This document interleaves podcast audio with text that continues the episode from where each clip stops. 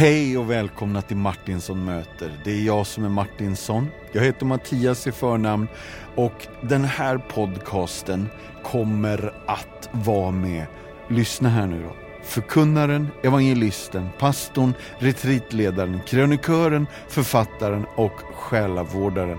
Och det här är inte åtta personer utan det här är en och det är Liselott J Andersson ni kommer få träffa idag. Grattis till er som har de här minuterna framför er. Den här podden görs i samarbete med Compassion. Kolla in dem på compassion.se.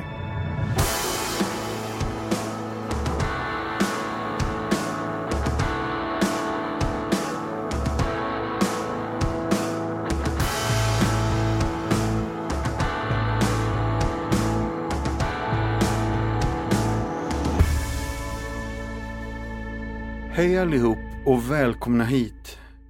Nu sitter jag här med Liselott J Andersson. Välkommen hit Liselott. Tack för det. Om du får fem snabba frågor av mig. Mm. Vad hette din första bästa riktiga vän? Siv.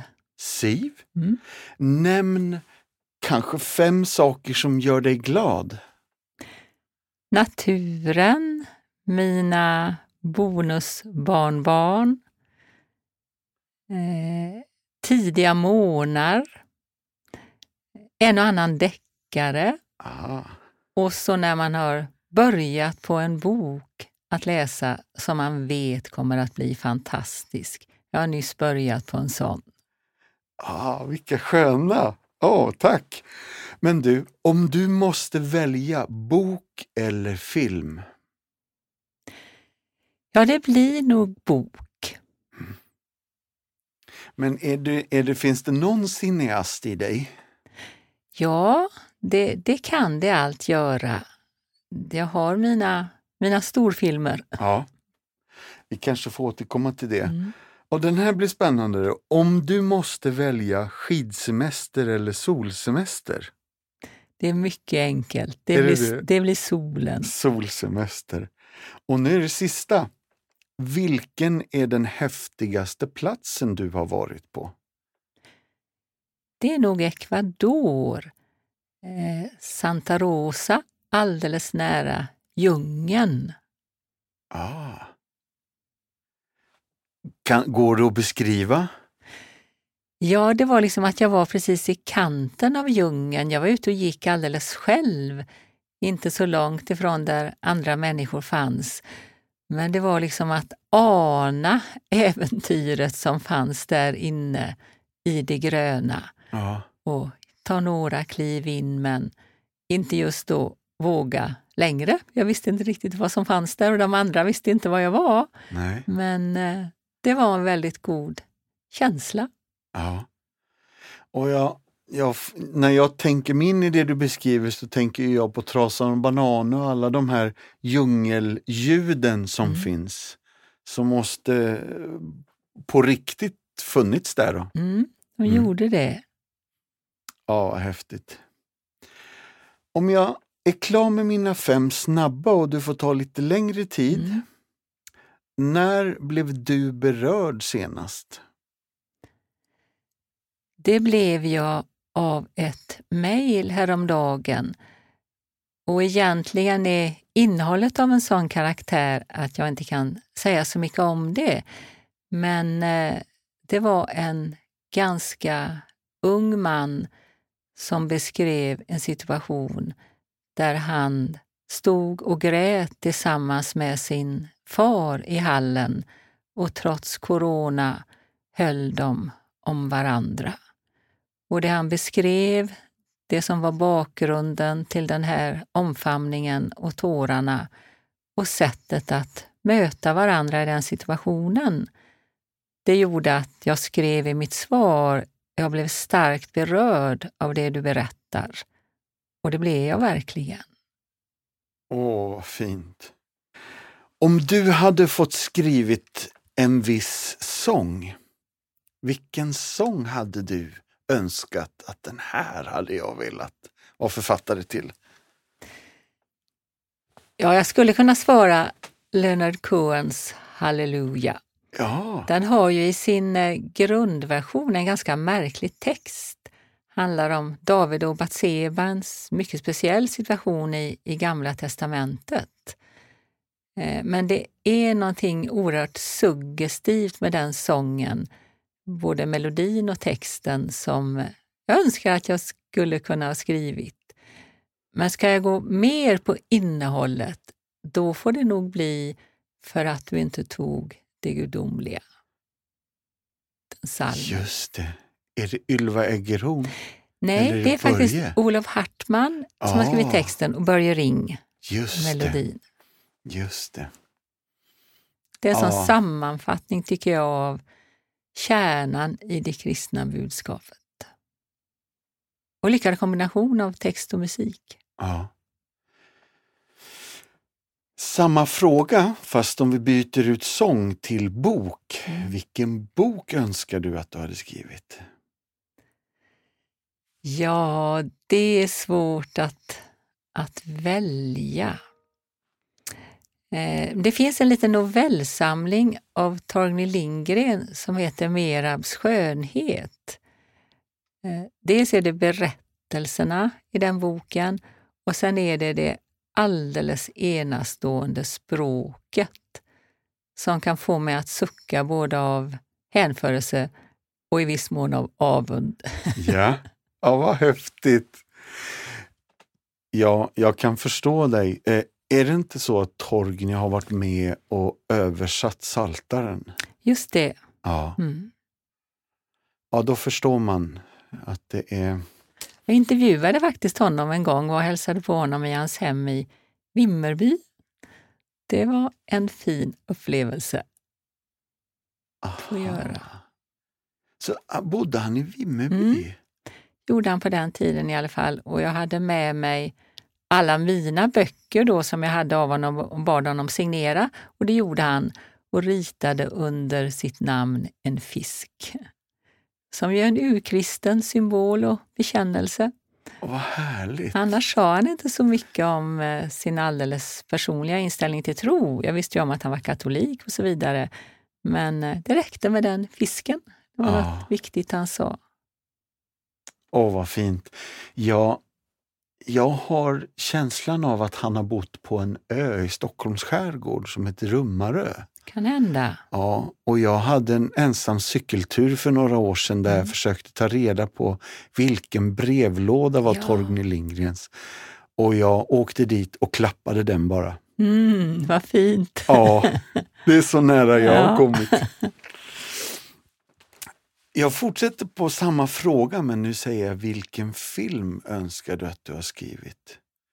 Du nämnde att du hade dina storfilmer. Ja, det får nog bli Amadeus då, alltså den här filmen om Mozart Ja. som jag tycker är fantastisk. Är det Milos Forman? Ja, precis. ja. Och som inte minst handlar om spänningen mellan en ganska medelmåttig kompositör, Salieri, Mm. och så då eh, universalgeniet. Mozart.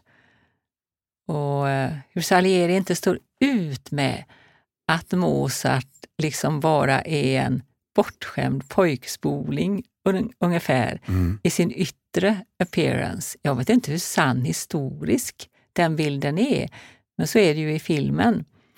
Och så under detta, detta geni då. Mm. Eh, det finns mycket, jag har skrivit någon dikt tror jag utifrån den.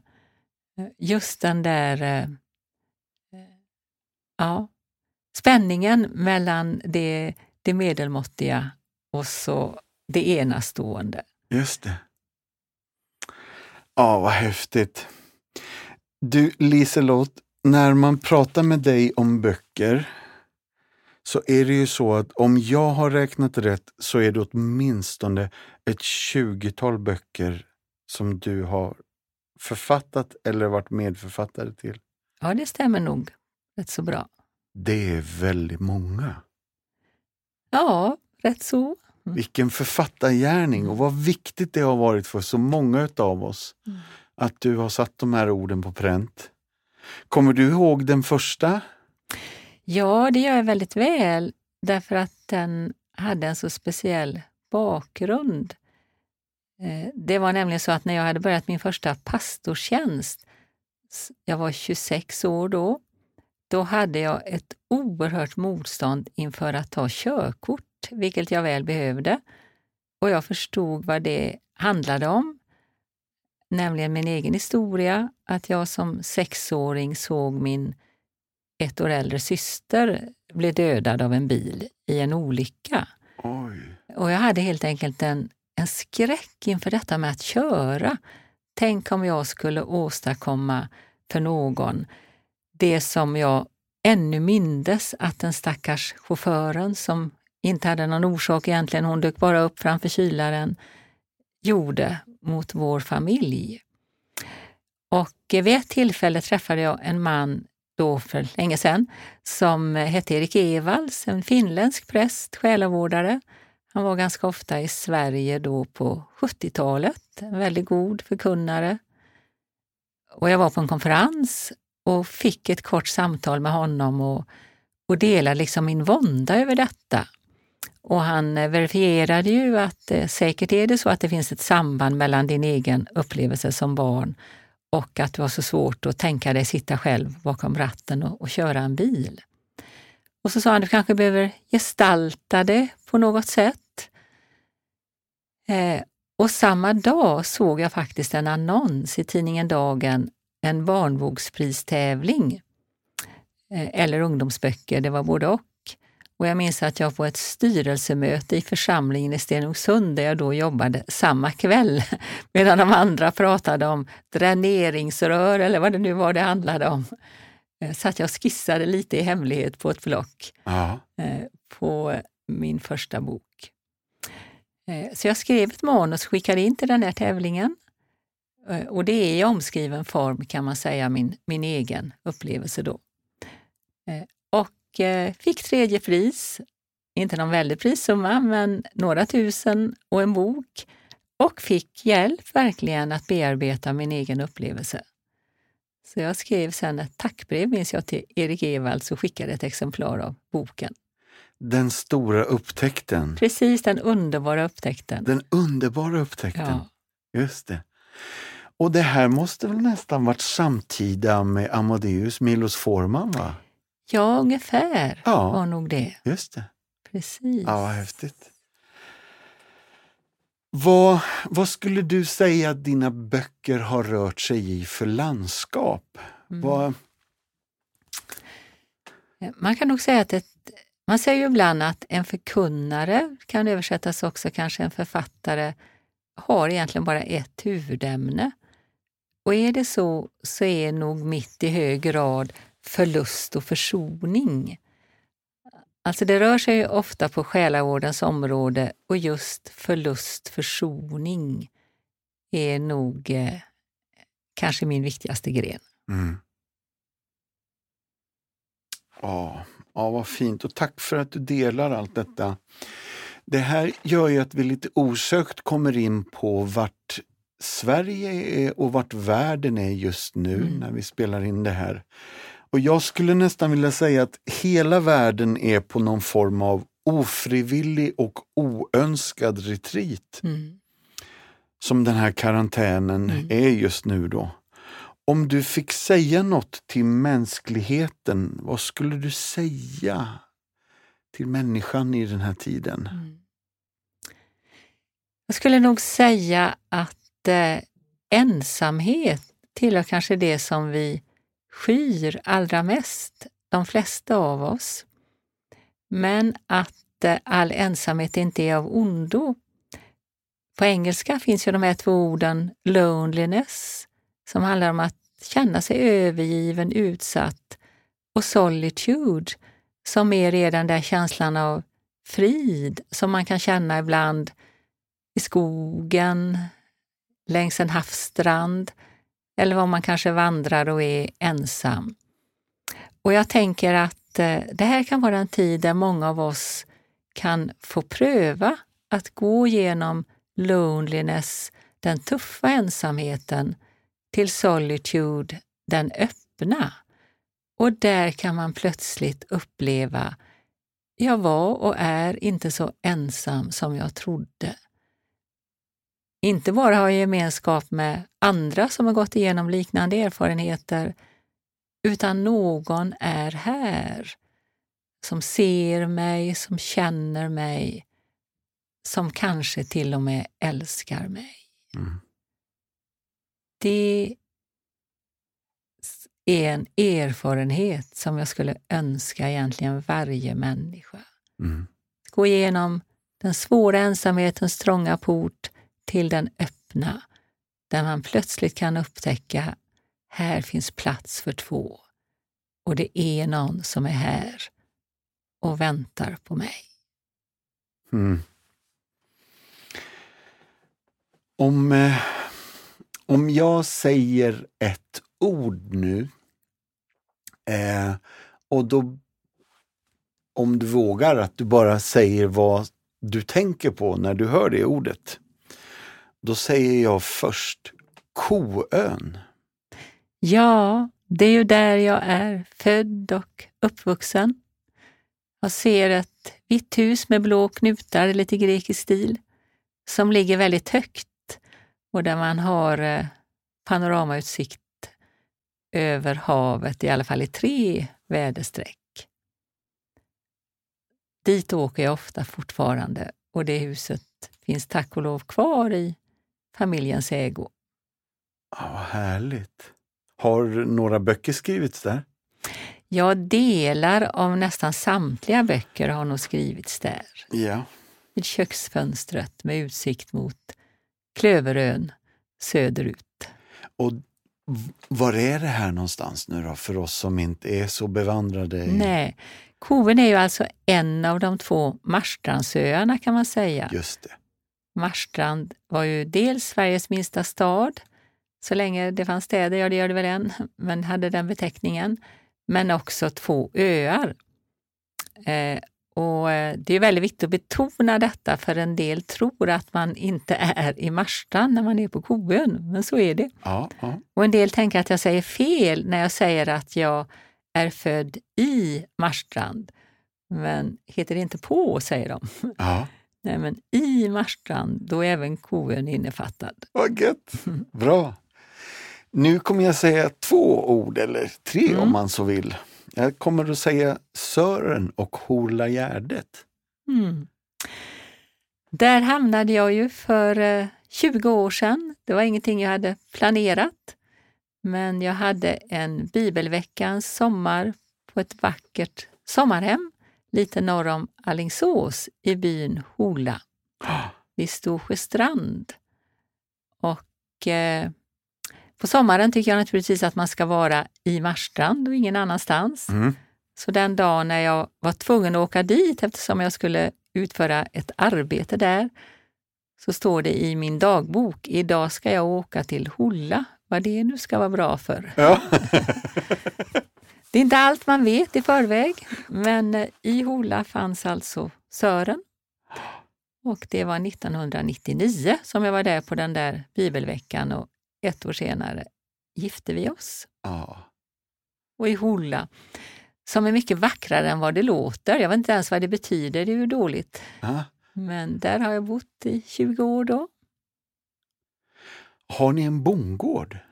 Nej, det är många som tror det. Ja. Men det har vi inte. Sören är, har ju alltid bott i denna by och är uppvuxen på bondgården mitt i byn. Den som heter Stommen, det är liksom stammen har jag lärt mig. ja. Som numera är en hästgård. Men eh, vi har inte gård. Som tur är, höll jag på Ja. att lägga till. Ja, jag är med. Du, du har redan nämnt det här ordet, men nu kommer ordet retreat igen. Mm. Vill du berätta vad det är för någonting? Mm. Retreat, det betyder ju att dra sig tillbaka. Och eh, det kan man ju göra på egen hand. Korta och längre stunder eller perioder om man har en god plats att vara på. Men retreat erbjuder man ju också lite mer organiserad form på olika håll i landet och runt om i världen. Och då betyder det att man är några dagar i relativ eller total tystnad. och tar del av vägledning och bön och söker sig själv och söker Gud och är ensam i en gemenskap, kan man säga. Det var fint. Ensam i en gemenskap. Mm. För att för den moderna människan och den pulsen vi har nu så tänker jag, kan det inte bli lite läbbigt? Mm. Alltså lite överrumplande med tystnaden. Mm. Jo, och därför är det viktigt att vara förberedd och, och när de retriter jag arbetar med, företrädesvis på Järka Säby, lite en bit söder om Linköping, så får man ju veta i välkomstbrev och så att, eh, att det råder tystnad deltagarna emellan. Eh, så man är inställd på det när man kommer. Och om någon frågar mig om det finns lägen när man inte ska åka på retreat, då brukar jag säga att jag tycker inte man ska göra det om man är deprimerad i klassisk mening. Mm. Det vill säga, man får gärna vara bekymrad, komma med sina bördor, vilket många gör, men inte i mer klinisk bemärkelse. Mm. Eh, Då kan tystnaden på något sätt bli, bli en börda. Eh, Men är man någorlunda frisk till själen, även om man kommer med en del frågor och bekymmer, så blir tystnaden nästan alltid välgörande. Jag har ju gjort det här i minst 20 år. Flera retriter har jag lett varje år under 20 år eller mer. Eh, vid två tillfällen har det hänt att någon har kommit och sagt jag orkar inte med det här, jag vill åka hem. Mm. Men annars så har de allra flesta mått väl av tystnaden och fått stor hjälp av den. Ja. Och då betyder det mycket alltså att det är ju ganska många samlingar varje dag, korta men gemensam bön, vägledning och man äter tillsammans, även om man inte då samtalar utan det är musik under tiden och så. Men man ser hela tiden människor och det finns tillfälle till personliga samtal och man kan byta ett annat ord med dem i köket eller med någon vaktmästare eller så, om man behöver. Mm. Är det här att rekommendera till människor i vår tid? Ja, det är det i hög grad. Och jag ser ju de som har gjort det här till en vana att kanske åtminstone någon gång per år åka på en retreat, att det betyder något grundläggande, jag får säga både för den fysiska och själsliga och andliga hälsan. Mm. En, en sån där påtaglig god frukt som jag ofta märker av de som kommer på retreat, det är att de kommer och säger ungefär så här.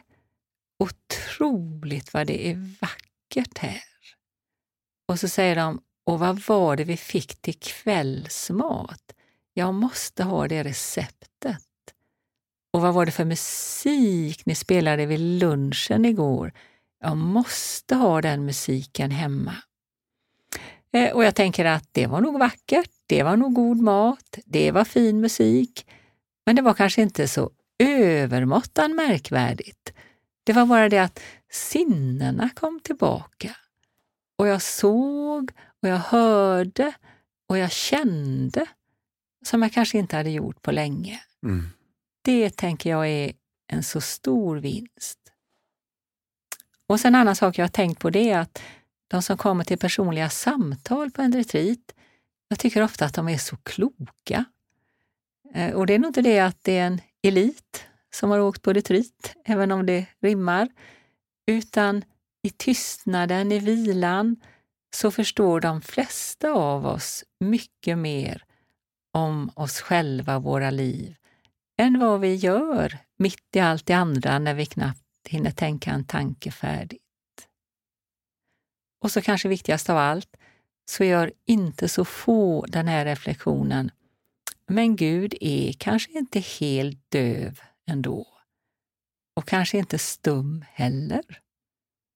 Mm. Verkar som att Gud hör Mm. och som att Gud har något att säga till mig. Så det är så väl investerade pengar och tid tycker jag. Mm. Och det leder mig vidare faktiskt på nästa fundering. Och det ordet har redan använts flera gånger här och det är andlig vägledning. Mm. Vad, vad är det i förhållande till eh, gymnasieval eller sån form av vägledning, yrkesliv eller vad är andlig vägledning för något? En väldigt bra definition tycker jag, det är att andlig vägledning är den hjälp en människa ger en annan för att hon ska bli sig själv i tron. Och Det betyder inte att min tro behöver vara annorlunda än alla andras, men att jag är mig själv i tron. Alltså att tron inte är någonting som jag har ett sidofack i mitt liv eller någon slags märklig överbyggnad utan någon större kontakt med mitt övriga jag. Utan det är väldigt tydligt integrerat med hela min personlighet och med hela mitt liv. Så det blir inte bra om en andlig vägledare gör dig, Mattias, till Liselott J Andersson Mm. eller gör mig till Mattias Martinsson, utan att bli sig själv i tron. Det tänker jag är, är, är liksom kärnan i andlig vägledning. Mm. Nu ska vi ta en paus i samtalet med Liselott och så ska vi istället ta och ringa upp en kille som heter Lasse Pettersson. Han är, jobbar på skivbolaget David Media och han är också Compassion-ambassadör. Och vi ska höra...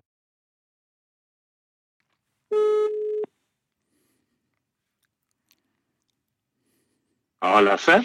Hej Lasse, Mattias Martinsson här. Mattias Martinsson. Ja. Nu tror jag går och jag tror jag går och tar en trisslott. Det är inte varje dag man får höra denna moderna stämma. Du, nu är det dags.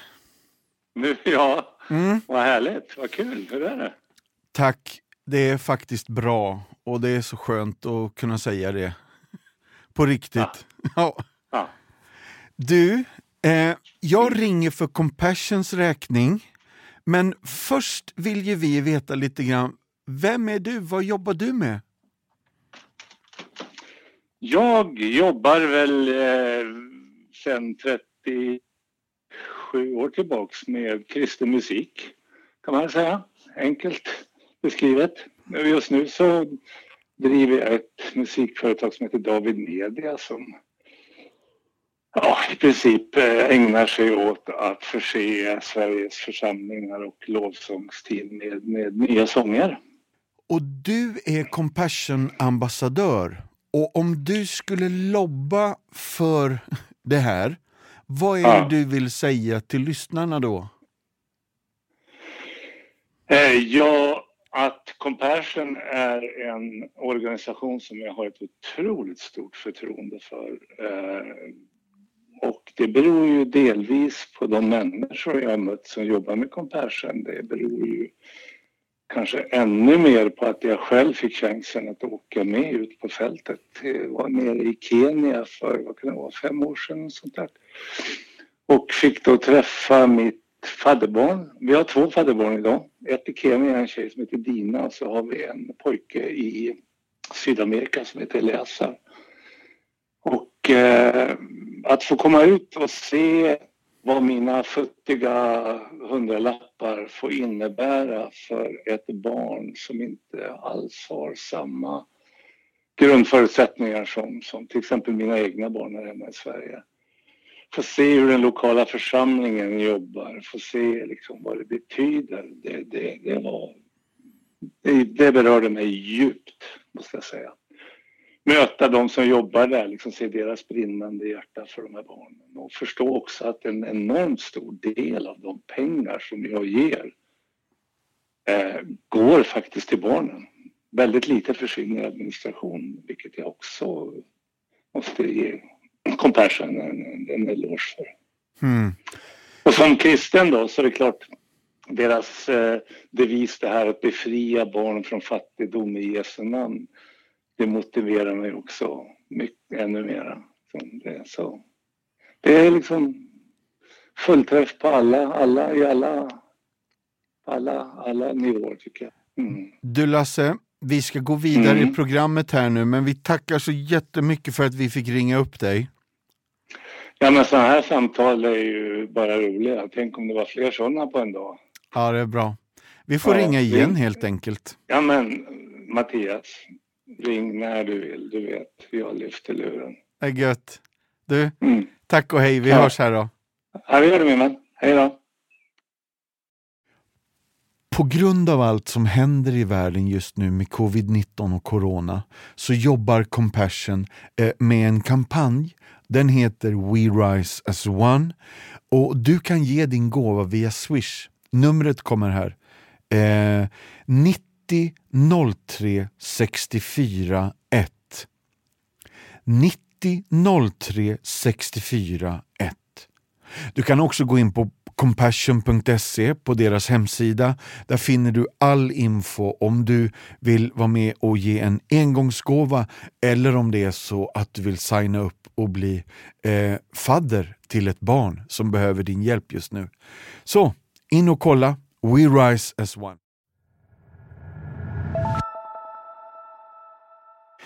Du har ju skrivit många böcker, men du har också skrivit i många tidningar länge. Min lilla lista, du kanske kan hjälpa mig här, men du har skrivit mycket kröniker i Dagen. Du har suttit med i tidningen Pilgrims ledningsgrupp i många år. Skrivit för Trots allt och tidningen Nytt liv. Mm. Och det kanske finns många fler än jag vet om här. Men om du skulle säga vad, du har redan beskrivit ditt författarskap, men, men eh, ehm, vill du säga någonting om vad, vad är målet med, med ditt skrivande där i de här tidningarna? Mm. Man kan nog säga att eh, medvetet eller inte så nästan allt jag skriver och säger, det är nog att förmedla någon slags tröst. Mm. Eh, och det är att eh, förankra det så mycket som möjligt i vardagen. Därför att jag tänker att det är hela hemligheten med att Gud blev människa. Då blir det så märkligt om, om vi ska försöka vara något annat än människor. Mm. Eh, så att liksom fånga någonting som är väldigt vardagligt och som framförallt är, är självupplevt, som är mitt. Antingen det är någonting som har hänt eller ett intryck. Eh, och att försöka översätta det. Eh, och det har hela tiden varit väldigt viktigt för mig också. Alltså jag menar, jag har levt med Bibeln i väldigt många år är ju väl förankrad i den kristna världen. Men jag kommer inte därifrån från början. Alltså jag har inga fromma rötter eller så. Och det har varit så viktigt för mig att översätta, att hela tiden tänka på det. Eh, skulle mina släktingar kunna förstå detta? Mm. Skulle det öppna ett litet fönster för dem till en värld de inte vet så mycket om och så. Det har liksom hela tiden varit min tänkta publik, mina läsare, mina mottagare. Åh, vad spännande! Det är som att ditt författarskap är ju en, en större bit av, av ditt, ditt uppdrag och att krönikorna, är det någon form av presentation eller inkörsport eller um, jag hittar inte riktigt ordet, men förstår mm. du vad jag letar mm. efter? Ja, det skulle man verkligen kunna säga. Alltså jag minns för många år sedan när jag gick en bibelskola och vi hade besök, eh, det var innan glasnost och perestrojka. Eh, alltså när eh, det välja landet Ryssland fortfarande var, var så stängt. Och eh, hade vi besök av en man som hette Earl Pöysti som var liksom radiomissionär. var nog Ibra radio, tror jag. Och han hade ett väldigt eh, inspirerat och liksom profetiskt på något sätt eh, undervisningspass mm, under rubriken The Gospel through the back door when the front door is closed. Och det var något sånt där som satt sig i mig som jag aldrig har glömt. Och liksom funderat på vad är det som är min bakdörr för evangeliet Ja. in till människor. Om liksom inte det är så att man självklart hittar till kyrkan på egen hand och sådär. Och där har jag tänkt att skrivandet har varit en, en viktig del. Jättefint. Hur skulle man översätta det? Eh, bakdörren och eh, vad heter det? Altandörren och Mm. stora entrén. Just det, Ja, precis. ja. Ja, jag är helt med. Vad spännande att du har jobbat så, för det är så man också, det är så jag uppfattar det du skriver. Mm. Det är så det tas emot. Mm. Eh, med den trösten. Mm. Och det är därför jag tror så många känner den identifikationen med det du skriver också. Mm. För det, det når det rent mellanmänskliga hos oss alla, tror jag. Mm. Både troende som, som kanske Mm. ännu inte troende i den, den Mm. meningen. Då. Ja, vad spännande. Du, du har rest som evangelist i över 30 år, stämmer det? Jag tror att jag fick, jag på säga, benämningen eller beteckningen riksevangelist 1996. Men jag har ju egentligen rest delvis hela mitt pastorsliv. Det gjorde jag också när jag jobbade med tidningen Trots allt och så vidare, fast under en annan flagg. Så det är säkert eh, ja, mer än 30 år sammanlagt. Mm. Och då när man, när man tänker evangelist, i alla fall Mm. inom kyrkan, så tänker man ju på någon som är kanske lite högrustad Mm. och tydlig. Eh, och så möter man dig som är eftertänksam Mm. och inte så högljudd. Jag minns att jag lyssnade till Torsten Åhman en gång, det gjorde jag många gånger, men tänker på ett särskilt tillfälle, som ju också var evangelist och eh, som hade sin alldeles speciella gåva och, och stil. Eh, och då var det mer ett undervisningstillfälle för pastorer. Och då talade han om att det finns apologetiska evangelister. Det är de som framför allt eh, försvarar kristendomen och överbevisar att det är den rätta tron. Och sen finns det karismatiska evangelister, sa han, där eh, under och tecken är en viktig del av, av det som hjälper människor att tro. Och det tredje, det var, sa han, att det finns själavårdsevangelister, vilket gjorde att jag lugnt kunde luta mig tillbaka. Åh, vad bra. Mm. Och det är kanske för att ta det största exemplet av alla, när Jesus, som berättas i Johannes evangeliet fjärde kapitel, möter en kvinna vid Sykars brunn med ett brokigt förflutet eh, och hjälper henne att hitta sig själv och att hitta Messias. Då är det ju själavård av högsta rang Mm. med stor finkänslighet och med en rakhet. Så, eh, och jag tänker att eh, eh, det finns så många likheter i vad vi fröjdar oss över i livet, vad vi gråter över, antingen vi säger att vi tror eller inte. Och det gemensamma, där kan man börja och så kan man hitta till slut till honom som bär det vackra namnet Själens herde och vårdare, Mm. som Jesus heter i ett brev i Nya testamentet. Ja. Ja, vad fint. Och vad spännande Liselott. Du, du är ju känd för att citera Dan Andersson. Ja, det tänk, vet jag lite vad du tänker på. Vet du vilken händelse jag tänker på också? Ja, jag tror jag tänker, du tänker på, för det har jag berättat någon gång. Jag var i Gnosjö Ja, som eh, ja, den berömda Gnosjöandan där eh, livets stora fröjd är att arbeta, att Mm. gärna arbeta med sina händer. Och så eh, jag tror jag bodde hos ordföranden i församlingen den där helgen och jag kände att det liksom var lite trögt på mötena. Så när vi kom hem en kväll där så frågade jag min värd då. Eh, alltså jag känner det är som att jag inte riktigt når, når fram. Hur upplever du det eller vad är det liksom som fattas? Och då harklade han sig.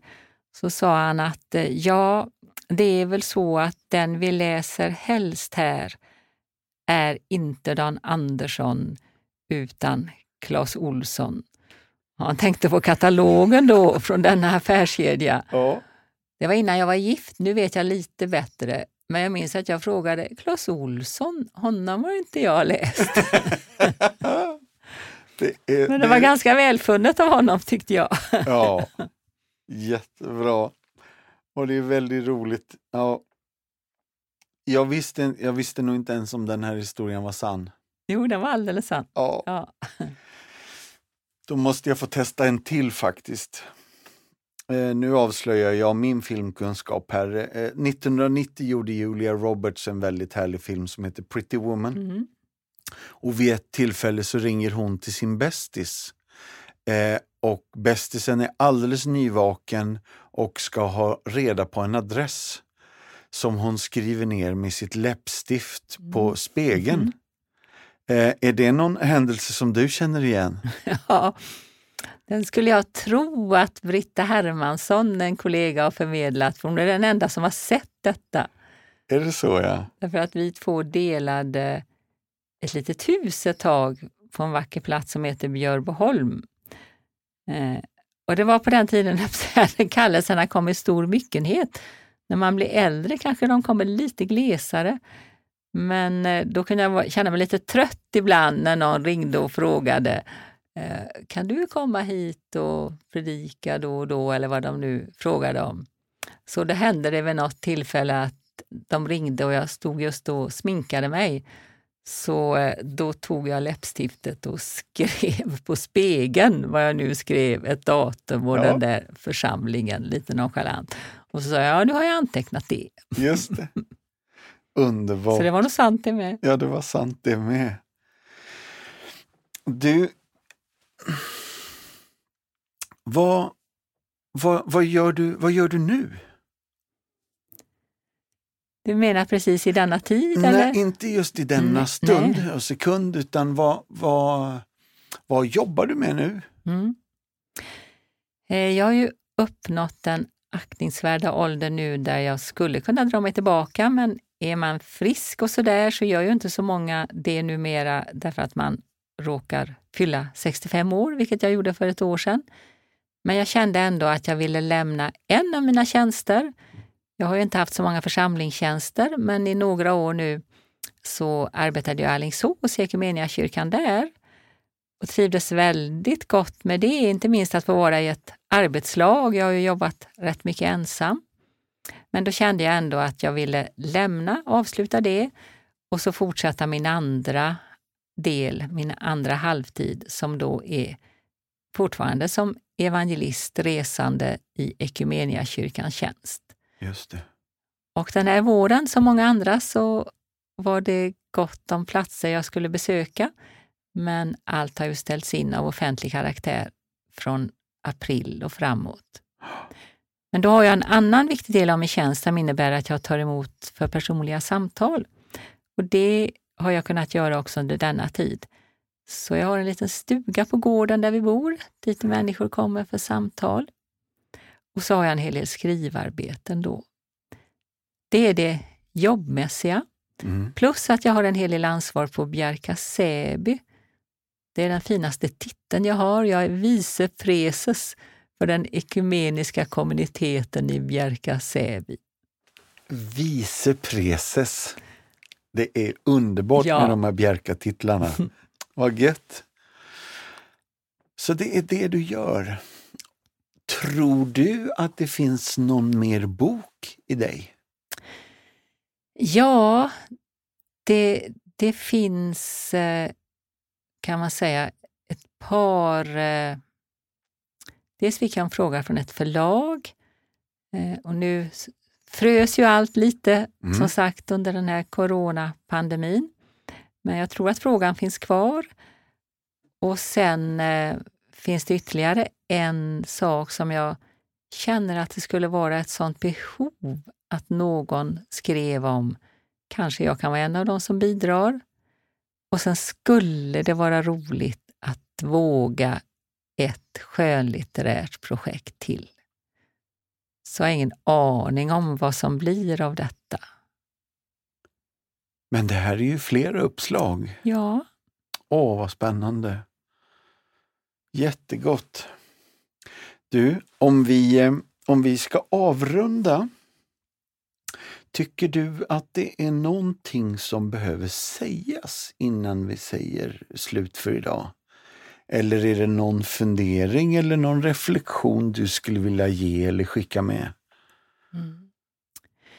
Jag kan säga då att ett av de bokprojekten jag tänker på där jag tycker att åh, här skulle någon behöva skriva något riktigt bra.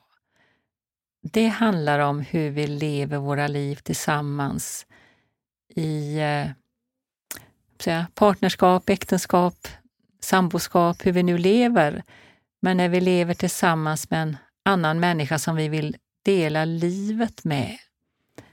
Eh, och det är utifrån mycket jag står i och har stått i och har försökt hjälpa människor där det man tänkte skulle hålla för alltid gick sönder.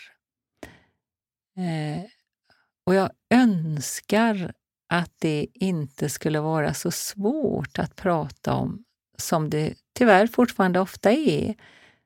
Och jag tänker när man satsar på att vilja leva sitt liv med en människa, eh, det tillhör det, det vackraste, dyrbaraste och när det då går sönder så finns det så mycket skam, besvikelse, så man dröjer ofta allt för länge med att be om hjälp. Och då kan det vara sent och ibland för sent. Jag var med och gjorde en bok om samlevnad för ganska många år sedan och den var ett gott försök. Den hette Öm och tålig, men jag tyckte att den blev kanske lite för snäll, inte tillräckligt naken, ärlig, sann. Och jag tror att eh, ju sannare man vågar vara, desto närmare finns nåden. Mm. Och jag tycker att en hel del går sönder i onödan på det här planet. Och det skulle vara så meningsfullt och, och liksom mänskligt och gudomligt om eh, man kunde få bidra lite. Och Det kan låta fattigt med en bok. Ska man läsa en bok när man håller på att ta koll på varandra? Eh, men en del vägledning kanske kunde ges där som gjorde att man inte kände sig så ensam, som gjorde att man kunde söka hjälp, som gjorde att kanske en del kunde få hjälp och rädda det som kan vara värt att rädda. Mm. Det... Så eh, ja, det kanske får bli något slags slutord då till alla som vill vara rädda om sin närmaste relation. Mm. Oavsett vad det är för relation. Att eh, ge inte upp. Eh, försök att titta i dig själv och i den andra det som behöver få leva och som är värt att få leva. Och våga tro att eh, den stora kärleken Gud själv finns vid vår sida i allt kärleksarbete. Tack snälla Liselott för att du tog dig tid att komma hit och vara med mig och vår ljudtekniker Jojje idag kändes som en förmån. Åh, vad gott att det kändes så. Jag önskar dig en riktigt god sommar här nu. Och tusen tack för att du kom och hälsade på oss. Tack för det. Tack alla för att ni har lyssnat. Om det fanns intressanta detaljer i podden som du vill kolla upp, till exempel referenser till sånger, böcker, filmer, alla de grejerna finns helt enkelt på compassion.se.